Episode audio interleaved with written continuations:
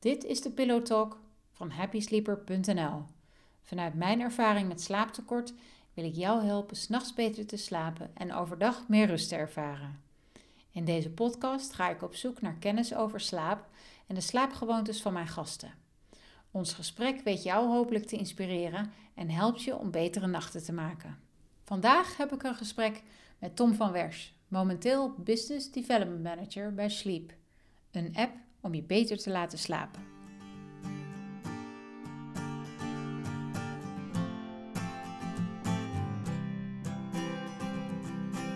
Super fijn dat jij uh, met mij wil zitten. Nog een keer. Sure. Voor Happy Sleeper, want we hebben elkaar al meerdere malen gesproken. En nu zitten we live. Um, de Pillow Talk van Happy Sleeper. Dus ik ga je een paar soort van intieme vragen stellen over je Uh-oh. persoonlijke leven. Ja. Um, eigenlijk bedoeld om anderen te inspireren. Want jij weet heel veel van slaap. Ik zou je bijna een slaapexpert willen noemen. Zo zou je jezelf misschien niet noemen. Maar je werkt in ieder geval ergens waar je heel veel over slaap uh, weet en hebt geleerd. Dus zou je jezelf even misschien willen voorstellen en vertellen wat je doet. Zeker. Uh, mijn naam is Tom. Ik werk bij het bedrijf Sleep. En dat uh, schrijf je met een uh, S-H-L-E-E-P. Uh, als je het logootje erbij ziet, dan valt het kwartje wat, wat sneller, ja. het bedrijf zo heet. Ja. En ja, we zijn inderdaad een slaapcoaching bedrijf. wij bieden oplossingen voor, voor, voor bedrijven om via een digitaal platform de medewerkers te helpen beter te slapen. Want iedereen weet, als je beter slaapt, dan presteer je beter en ja. voel je je beter en, en zo. Uh, en ik doe daar uh, inderdaad uh, sinds een paar maanden business development. Dus ik ben bedrijven aan het benaderen om te kijken in hoeverre ze hiervoor openstaan en hier wat mee kunnen. Ja. ja. En wat is de eerste reactie van bedrijven als je ze benadert? Wat, hoe, hoe, hoe kijken ze naar het onderwerp slaap? Ja, iedereen is wel echt gefascineerd. Um, het is eigenlijk een no-brainer. Wat ik net al zeg, als mensen beter slapen, dan presteren ze beter. Maar dat kwartje is gewoon nog niet heel vaak gevallen op het uh, zeg maar senior level bij grote bedrijven. Ze geven inmiddels wel veel aandacht aan voeding en beweging en zelfs mindfulness komt, uh, komt vrij vaak voor.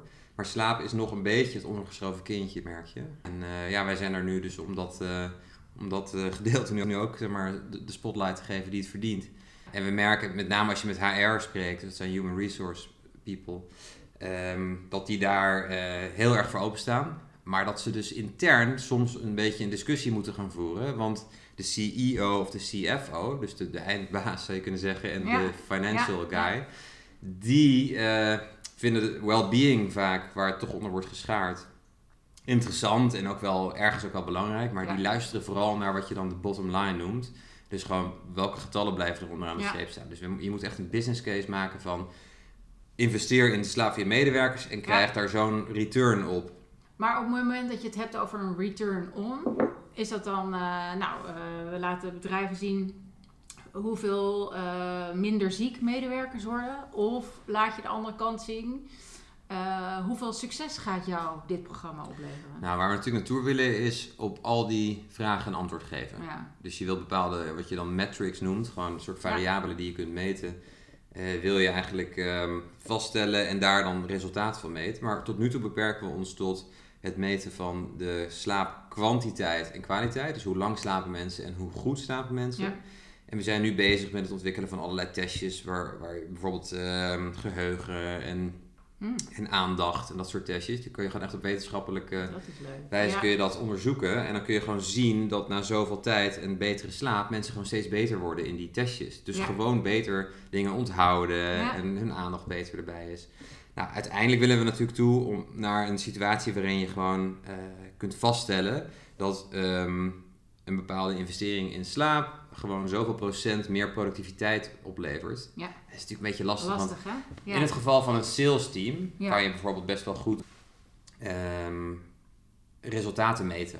Als, als ze gewoon meer uh, omzet draaien, dan is dat goed meetbaar. Maar bij andere afdelingen is dat soms wat lastiger. Want dan, uh, ja, Weet je, je kan niet alles tot in de puntjes meten. Maar goed, iedereen snapt gelukkig, betere slaap is betere prestatie. Dus als wij kunnen aantonen dat ze in ieder geval beter slapen, dan ligt het wel voor de hand dat je kunt aannemen dat het bedrijf er gewoon beter bij vaart. En zeker de medewerkers zelf geven ook aan Uh, ja, ik, ik voel me fijner, ik, uh, ik krijg meer gedaan, ik kan beter met stress omgaan. Nou, als medewerkers dat zelf al zeggen, ja. dan kun je het nog proberen allemaal nog te meten. Dat gaan we ook zeker op een gegeven moment uh, tot in detail doen. Maar dan weet je al dat een groot deel van de buis al binnen is. Ja, absoluut. Als mensen zich sowieso per definitie al beter voelen. En dan ook een beter gevoel hebben over het bedrijf waarvoor ze werken waarschijnlijk. En dus al beter presteren.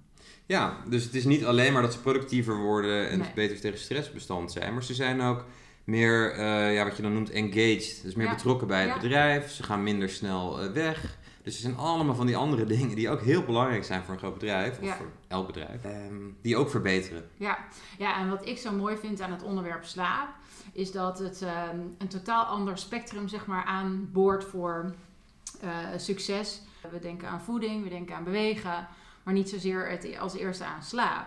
Terwijl dat fysieke aspect van rust minstens zo belangrijk is als voeding en bewegen. Want we zijn zo geneigd, dat, dat is in ieder geval waar ik zelf tegenaan gelopen ben, ook, is ehm, als je je niet zo goed voelt en minder presteert en dat misschien ook wel goed aanvoelt, dan weet je uiteindelijk niet zo goed wat je nou moet doen. Maar wat gaan mensen doen? Ze gaan in hun ratio zitten en gaan vervolgens, oké, wat kan ik nu doen om me vervolgens beter te voelen? Dus het gaat vooral om het doen. Ja.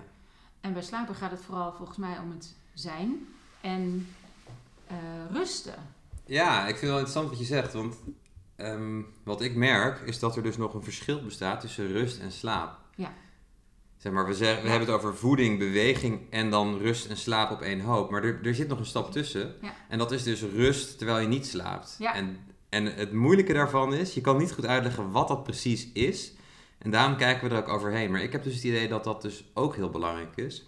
Als ik het even op mezelf betrek, ik probeer daar dus af en toe wat ruimte voor te maken. En dan vragen mensen, maar wat doe je dan? En dan is het antwoord is eigenlijk heel onduidelijk. Want het is niet specifiek iets, maar het is ook niet per se niets. Het kan namelijk ook heel onrustig zijn om helemaal niks te doen. Ja. Maar ik zou het bijna samenvatten als een beetje, een beetje lummelen of zo. En dus, dus het kan zijn dat je vervolgens iets, een, een, handeling, uh, dat je iets doet. Of gewoon een beetje aan het slenteren, slenteren bent of, of, of op de bank zit. Maar je bent niet specifiek iets aan het doen met, met nut. En omdat wij zoveel prikkels en stimuli hebben, ehm, is een soort van je vervelen tussen haakjes. Of gewoon lummelen, dat, is, dat bestaat bijna niet meer. Nee, want alles moet lekker efficiënt. Ja, maar als ik terugdenk aan vroeger, het, eh, nou ja, vroeger tot mijn, weet ik het, tot mijn 15 of zo, kan ik me nog echt momenten herinneren dat ik, dat ik gewoon een beetje aan het niksen was. Ja. En daar heel erg van kon genieten. Ja. En dat is voor mij zeg maar rust. En dan heb je nog slaap. Ja, ja helemaal eens. Helemaal maar ja, eens. prop het maar in een, in, een, in een drukke dag, weet je wel. Nou ja, en, eh, en voor mij vind ik dan ook wel echt interessant van hoe uh, kunnen we nou bedrijven helpen? Want daar gaat het mij uiteindelijk om. Hè? Ik bedoel, de, de, de payoff van Happy Sleeper is uh, bereik je meer geluk met je ogen dicht. Hè? En dat bedoel ik dus ook letterlijk, doe overdag eens wat vaker gewoon je ogen dicht. om eventjes te lummelen, zoals jij dat dan zegt. Um, of Hè, en dan echt even niks te doen. En daar bedrijven dan weer te van overtuigen. Dat ze daar een soort van actief mensen in promoten. Nou, krijg dat maar eens voor elkaar. Ja, ja, ja. ja toch? Want welke, welke CEO zegt tegen zijn medewerkers... Nou, ik wil dat jij elke uur even vijf minuten niks gaat doen. Ja. Dat gebeurt nu niet. Terwijl, volgens mij is dat hartstikke goed om te doen. We hadden het al eerder volgens mij over die, uh, die ehm, eh, Pomodoro-techniek.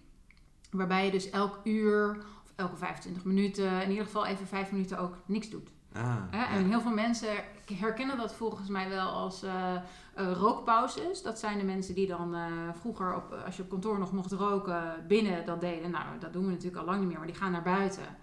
En ik kan me herinneren dat in ieder geval ik, en volgens mij meer mensen met mij, dat op de werkvloer altijd als een soort van oh lekker dan, die gaat even buiten roken. Hoe efficiënt werk jij? Weet je wel? Dat werd een soort van veroordeeld. Terwijl die mensen hadden altijd wel pauze. Ja, wat gek is. Volgens het is, mij is dat wel super goed om te doen. Ja, dus je zou, en, en, je zou moeten doen. Ja, precies. Wat je volgens mij zou moeten doen is een rookpauze zonder roken, inderdaad. Ja. Ja, en uh, ik, ik, doe dat dus. Elke twee uur ga ik even naar buiten. Um, uh, vijf minuutjes inderdaad ongeveer. En dan ga ik dus niet specifiek uh, iets doen. Gewoon op een werkdag. En dus ik ga niet mijn mail nog checken op mijn telefoon of kletsen met een collega of weet ik veel wat. Ik ga gewoon buiten even staan. En het is een soort staande micro-meditatie met mijn ogen open. Ja. gewoon even, gewoon echt weer even helemaal gewoon tot rust komen. En ik merk gewoon, als ik dan weer terugloop, bam, en dan kan je weer. En als je, als je die pauzes dus in een werkdag inbouwt, dan, dan stapelt de druk en de stress zich ook niet op. Dat krijgt geen kans, omdat je het steeds, zeg maar, de lucht eruit laat lopen. Maar doe jij dat nu uh, op een natuurlijke manier, zeg maar, of zet jij een timer? Uh, ik zet een timer. Ja. Want ik uh, weet dat, ja, dat ik gewoon ook niet daar een kwartier buiten wil staan. oh, dat bedoel je. Nee, ik bedoelde meer van voor het moment zelf, oh. voordat je naar buiten gaat. Heb je iets in je agenda? Nee, dat niet. Maar ik, ik, ehm, ik merk gewoon ook op een gegeven moment van... hé, hey, eigenlijk heb ik nu de neiging om, om weer koffie erin te gooien. Dat is eigenlijk een goed moment om te denken... oké, dus je kunt je lichaam weer een soort pep geven met, met cafeïne. Of je kunt denken, oké, misschien heb ik even wat rust nodig. En wat, je, wat ik ook wel eens doe als ik op een groot kantoor werk of zo, dan, uh, ja, dan, heb je, dan kan het soms wel vijf minuten duren voordat je bij de uitgang bent. Nou, dan kan je gewoon natuurlijk uh, naar de wc, deur dicht. ja, dan heb je niet de frisse lucht. Alarmpje en, vijf minuten. Nee, integendeel, ja. ja. Ja, dus weet je, naar buiten gaan en frisse lucht, dat is natuurlijk Tuurlijk, wel het meest relaxen. Maar heb je nog meer dingen gedurende de dag die je doet of laat om jezelf wat ontspanning uh, te gunnen? Op een werkdag? Ja. Ja, goede vraag. Nou, in feite um, zijn het vooral die hele korte pauzes, elke twee uur, vijf minuten. Dus dat doe ik drie keer op een dag of zo, drie, vier keer. Ja. Uh, of nou, drie keer denk ik. Um, verder probeer ik uh, af te wisselen tussen, zeg maar, uh, heel intensief um, achter mijn scherm zitten en gesprekken voeren, meetings hebben en zo. Ik ben niet zo'n fan van veel meetings hebben, maar als je ze dan hebt, ja, dan is het dan. Ik probeer een beetje ervoor te zorgen dat dat elkaar een beetje afwisselt.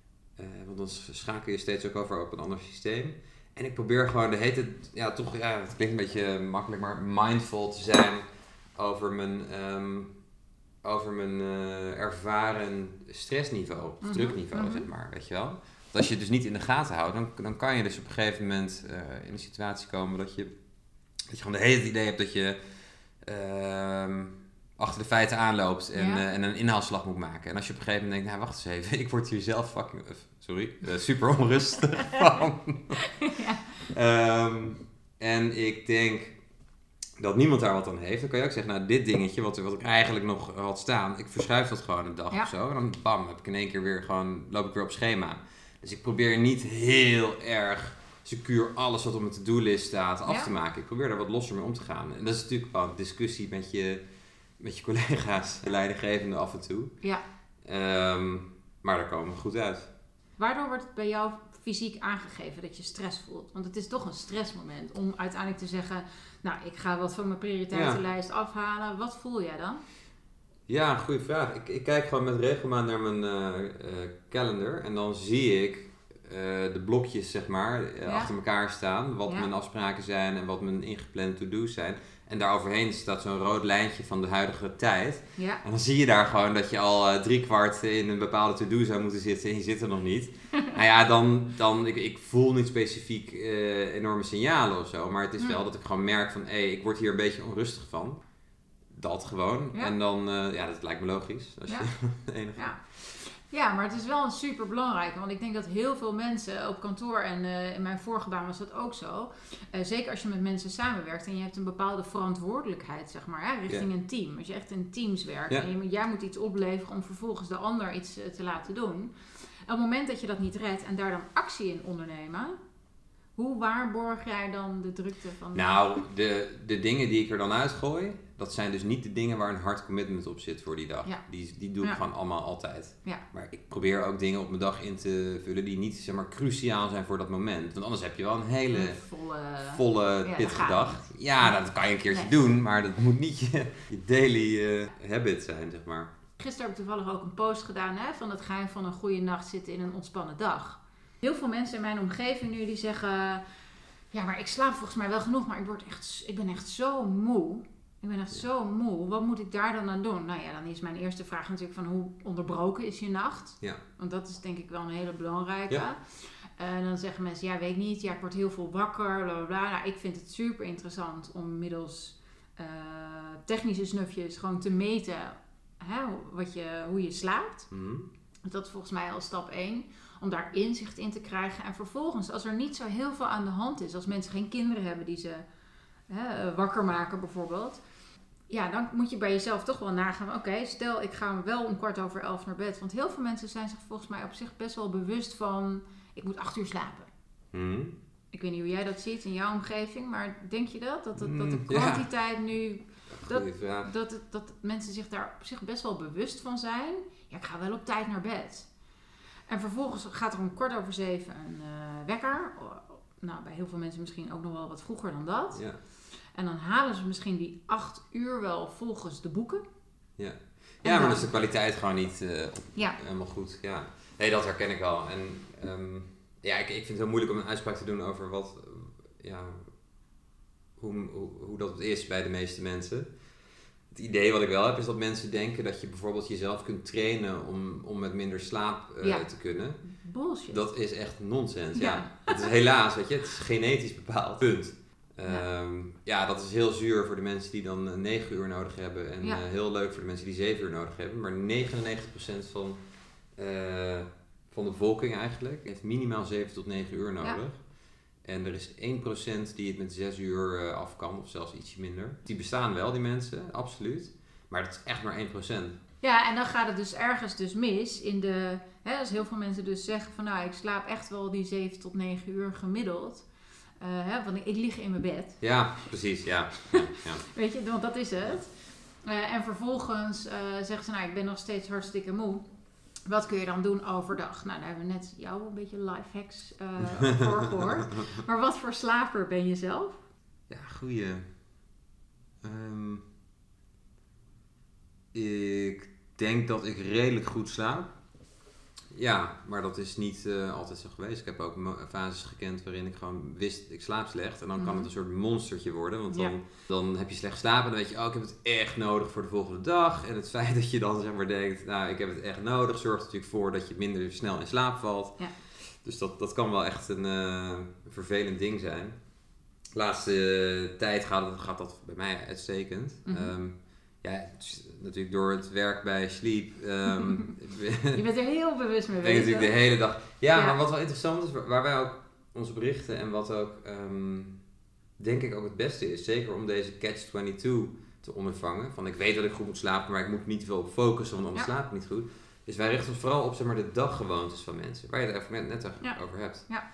Uh, en we richten vooral op wat je kunt doen gedurende de dag, doen en laten Waardoor je dan s'avonds beter zult slapen als resultaat. Bijna als bijproduct. Dus het is niet de bedoeling dat je dan in je bed gaat liggen en denkt: Oké, nou nu ga ik dus goed slapen. Je moet er dus niet mee bezig zijn. Alleen wat je moet doen is stoppen met het drinken van cafeïne na twee uur. Want cafeïne heeft een hele lange halfwaardetijd. Um, als je dan uh, een drankje drinkt, zeg maar alcohol, uh, s'avonds, kies er dan heel bewust voor. Want weet dat het toch uh, een beetje interfereert met je slaap.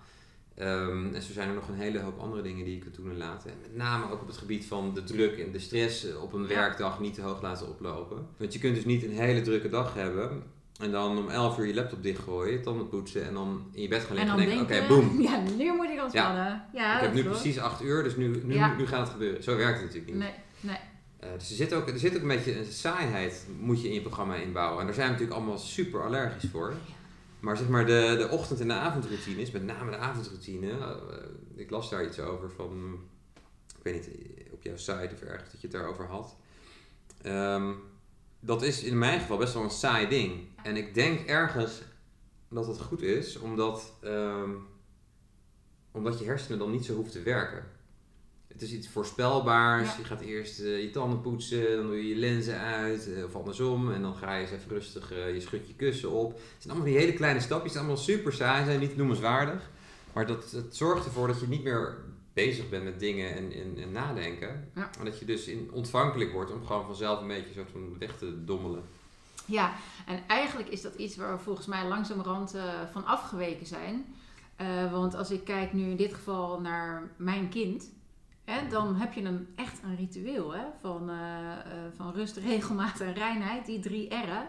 Als je dat nou ook op jezelf toepast, creëer je iets waardoor je gewoon je brein opnieuw soort van kunt programmeren om vervolgens daarna in slaap te vallen. Zie je dat zo? Ja, ja. ja ik denk dat het wel klopt. Ja, zeker. Want dat, is, ehm, dat is volgens mij wat zo werkt. Ja, ik denk dat je... Maar kijk, nogmaals, ik wil echt benadrukken. Ik ben geen slaapexpert en geen neurowetenschapper. Ik werk bij een bedrijf met veel slaapexperts slash neurowetenschappers. Dus alles wat ik uh, te vertellen heb is hearsay, zoals ze zeggen in het Engels. Um, uh, volgens mij houdt je brein dus van voorspelbaarheid. Daarom hebben mensen ook instinctief een, een soort aversie tegen change, zeg maar zeggen verandering in het algemeen.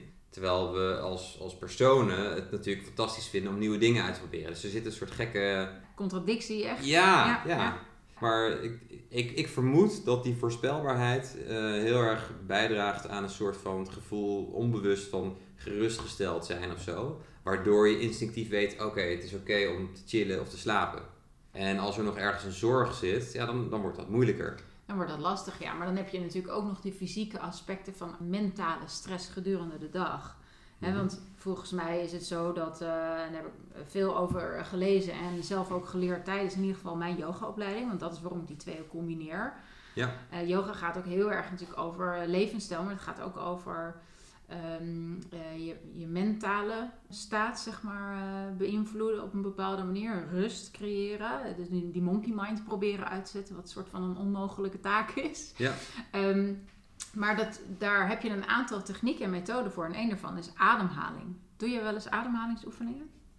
Niet specifiek, maar ik doe wel elke dag uh, ben ik aan het headspacen. Dat is zeg maar ja. Uh, ja een meditatie-app, vrij, vrij bekend is. En daar zit ook heel veel um, letten op je ademhaling in. En ik heb sinds een paar jaar, sinds ik dat aan het doen ben, merk dat mijn ademhaling wel echt rustiger en dieper is. En veel minder aan de oppervlakte. En dat, dat gaat dus ook gepaard met meer ontspanning. Ja.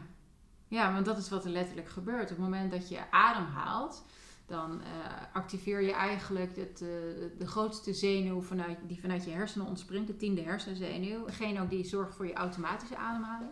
Ja, ja, ja. Maar op het moment dat je die activeert middels een ademhalingsoefening, kun je je brein dus letterlijk een seintje geven met het is oké. ik mag nu rusten en relaxen. Ja, ja, dan krijg je de relax response. Dus ja, de parasympathische. Ja, ja precies. Ja. ja. Dus zo. Leuk, termen.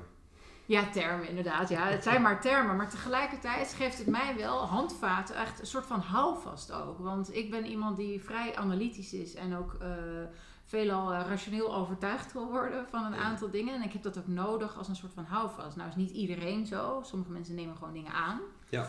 Maar tegelijkertijd is het wel heel interessant wat jullie denk ik ook doen. Als je een programma aanbiedt, uh, dat je ook heel veel kennis deelt. En op basis van die kennis kunnen mensen zeggen: Oké, ik ga mijn gedrag proberen aan te passen en ze vervolgens houvast biedt middels een programma. Zeker, ja. Nou, wat we echt hebben ontdekt is dat als, als mensen snappen waarom iets goed of slecht voor je is, uh, echt letterlijk snappen bijvoorbeeld wat er in je hersenen en in je lichaam gebeurt op het moment dat je slaaptekort hebt of, uh, of gestrest bent, dat mensen veel gemotiveerder zijn om daar dan iets mee te doen. Want gedragsverandering, let's be honest, is wel gewoon het moeilijkste wat er is. We concurreren wel gewoon met Netflix. ja, maar echt. Ja, dat dus, is waar. Dus ga dat maar eens. En ik heb het zelf ook hoor. Ik maak me er ook mega schuldig aan. Als ik heel, uh, een hele lange werkdag heb gehad en, en druk en uh, nog heb staan koken, wat ik natuurlijk ook niet zo heel vaak doe omdat ik er niet zoveel zin in heb. Maar stel me dat, dan is er nog anderhalf uur op zo'n dag over om even een beetje te chillen. Ja, um, dan wil ik ook echt even gewoon zone out en, en, en Netflix kijken. En dan is het best wel, vergt het best wel wat... Uh, Discipline, hè? Ja, dat is, dat is het woord. Om dan echt dat te stoppen, omdat je weet... Want op het moment zelf is Netflix gewoon veel leuker dan naar bed gaan. Alleen, ja. als jouw belang groter is de volgende dag, ja, dan kun je gewoon die afweging maken. En ik ga regelmatig de fout in. Ja, ja, ja. En dan, dan leert men. Maar dan doe ik het al bewust. bewust, ja. hè? Ja. ja, en dan weet je de volgende dag, oh ja, oké, als ik dus vanavond gewoon wat eerder naar bed ga, of wel even goed luister naar het signaal, dan ben je de volgende dag gewoon wat scherper. Hoe zie jij de combinatie tussen uh, tech en slaap? Mobiele telefoons en slaap? Ja, die is uh, veel gehoord. Natuurlijk weet men volgens mij inmiddels wel dat het beter is om je smartphone niet in je slaapkamer te hebben. Ja. Uh, maar ja, zie mensen maar zover te krijgen om dat te doen. Ik denk dat, het, uh, dat de combinatie tech en slaap. Um, ja, zoals alle dingen die met tech te maken hebben, kan het een enorm voordeel zijn en heeft het ook een groot uh, gevaar in zich, of kan het hebben. En in het geval van specifiek uh, internet en um, laptops en smartphones zorgt natuurlijk voor een overload aan prikkels. Ja.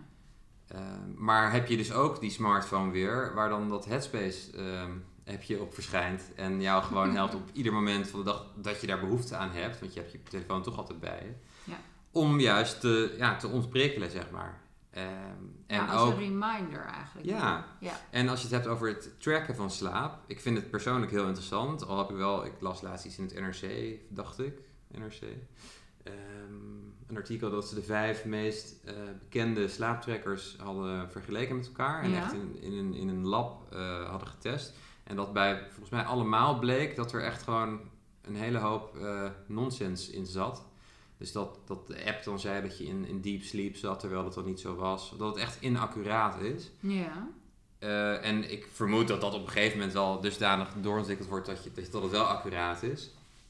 Maar ik gebruik het dus niet om echt te kunnen vaststellen hoe ik slaap. Want ik vertrouw nog niet dat die dingen mm. helemaal veilig... Uh, ja, zeg maar, Ook niet indicatief? Werken. Ja, goeie, misschien een beetje, ja hoor. Ja. Ik denk vooral dat het nuttig is omdat het, omdat het je heel erg bewust maakt. Want het wordt dan een soort spelletje van oké, weet je wel, ik wil beter slapen. En daardoor ga je vanzelf meer dingen gedurende de dag doen en laten waarvan je het idee hebt dat helpt mijn slaap. Ja, maar ik denk wel dat als je het weet, kan je ook iets gaan creëren, namelijk dat monstertje dus ja, ja, dat, is, dat is ook wel lastig. Want er zijn heel veel mensen die, die misschien wel de app... Ik heb het zelf ook gedaan. Ik heb zo'n slaaptrack app.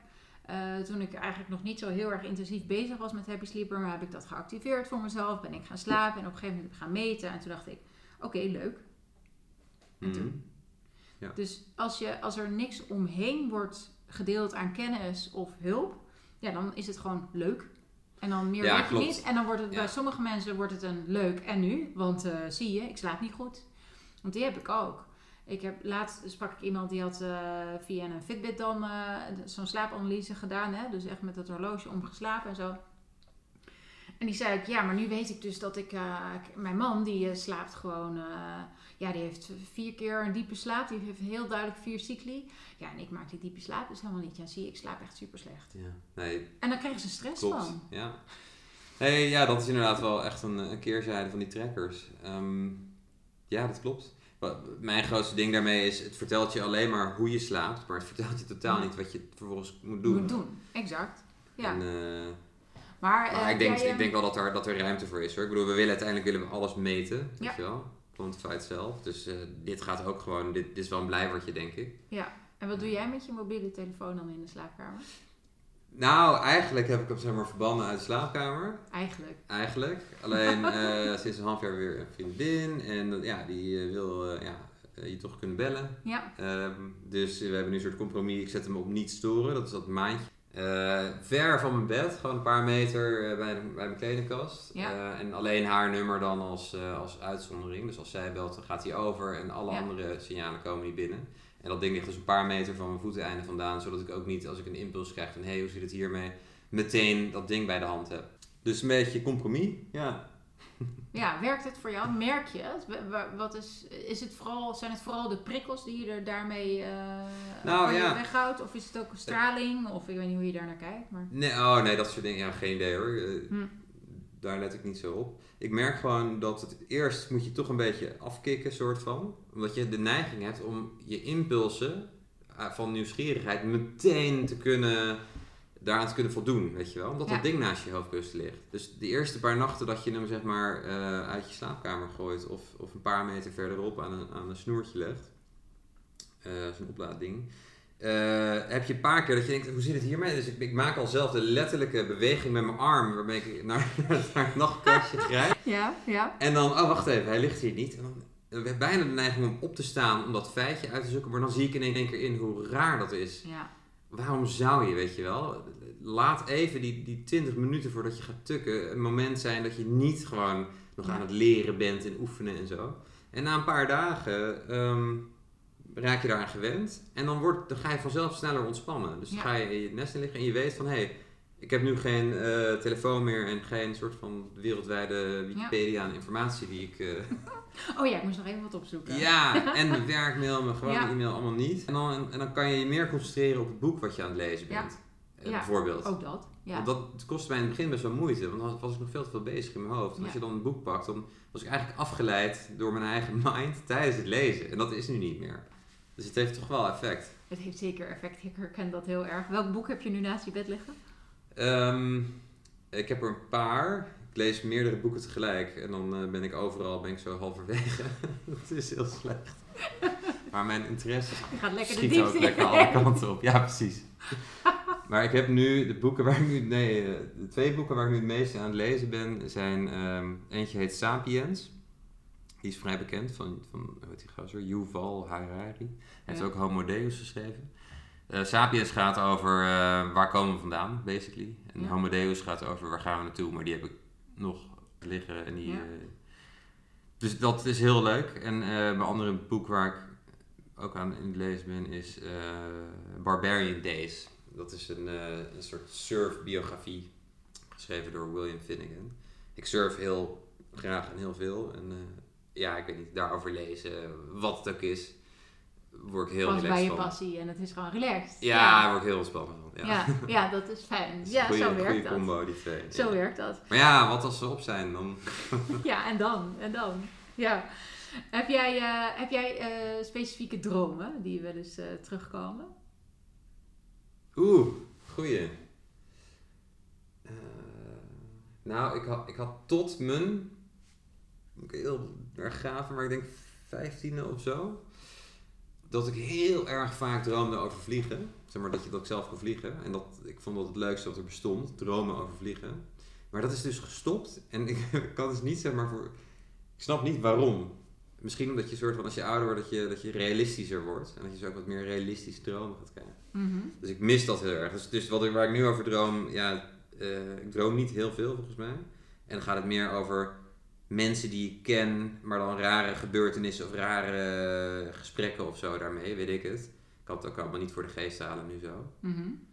Maar het is allemaal wat, uh, wat minder spectaculair geworden. Ja. je hebt een minder fantasierijk leven gekregen. Ja, wie weet. Nou, ik heb wel heel af en toe heb ik, uh, een droom en dan, en dan weet ik uh, dat ik aan het dromen ben. Ja noemen ze ook wel lucide, dromen. Ja, dat, ja, dat, weet dan. Ja. ja, dat heb ik heel af en toe. En dat is wel echt feest. Want ehm, ja, als je echt weet van... Bepaald, op een bepaald level gaat je logica... Gaat om, ik ga dan proberen vast te stellen in die droom of ik aan het dromen ben. Je weet dat je droomt en dan ga je het plot veranderen. Is dat een beetje wat je Je gaat doet? gewoon apenkooien. Ja. Zeg maar, als je weet van hé, hey, ik ben aan het dromen.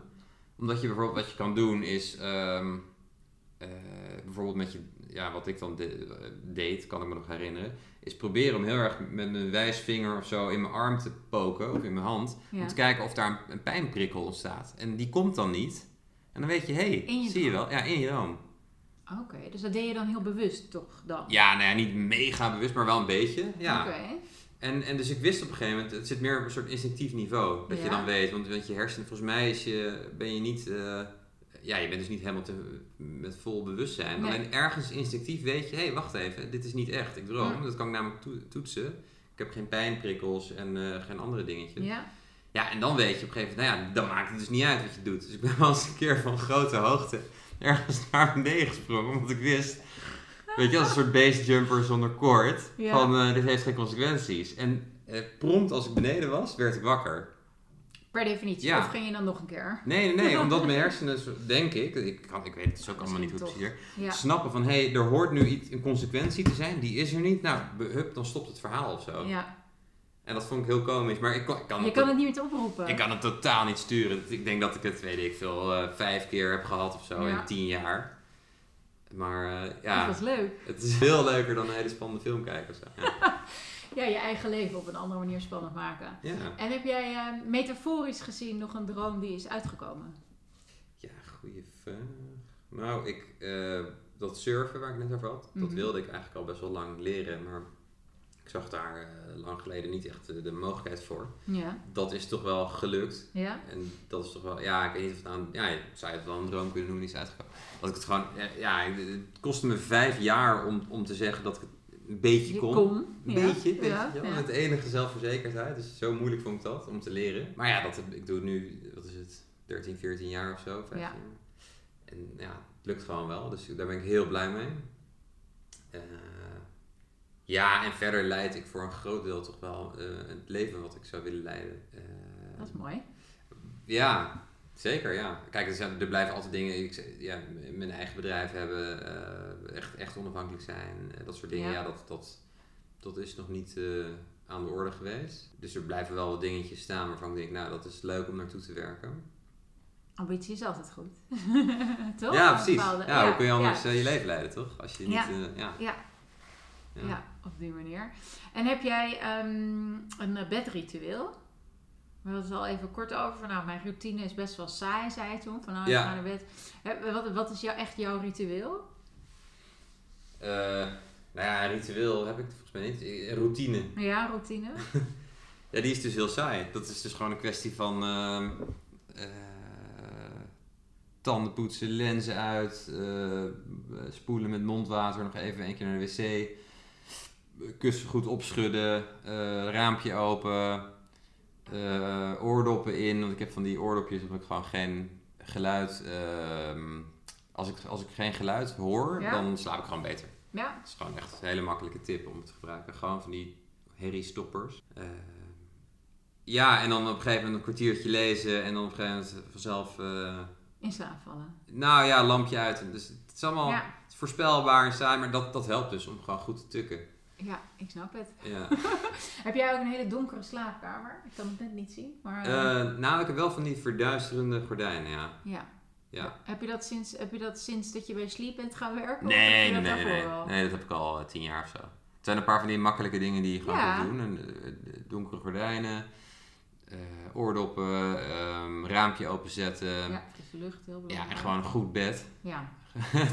ja, straks ja. belangrijk. Ja. En afspraken als je niet in je eentje slaapt. Van uh, hoe, uh, weet je wel, uh, ik heb bijvoorbeeld, wij hebben nu twee dekens.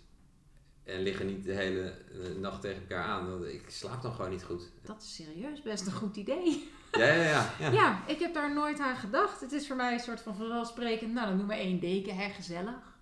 Maar eigenlijk slaap je wel onrustiger. In de ja. 50s hadden ze dat goed door, ja. Ja. ja. toen hadden ze ook die bedden volgens mij. En wel uit elkaar staan, hè? Ja. Misschien moeten we daar maar niet naartoe.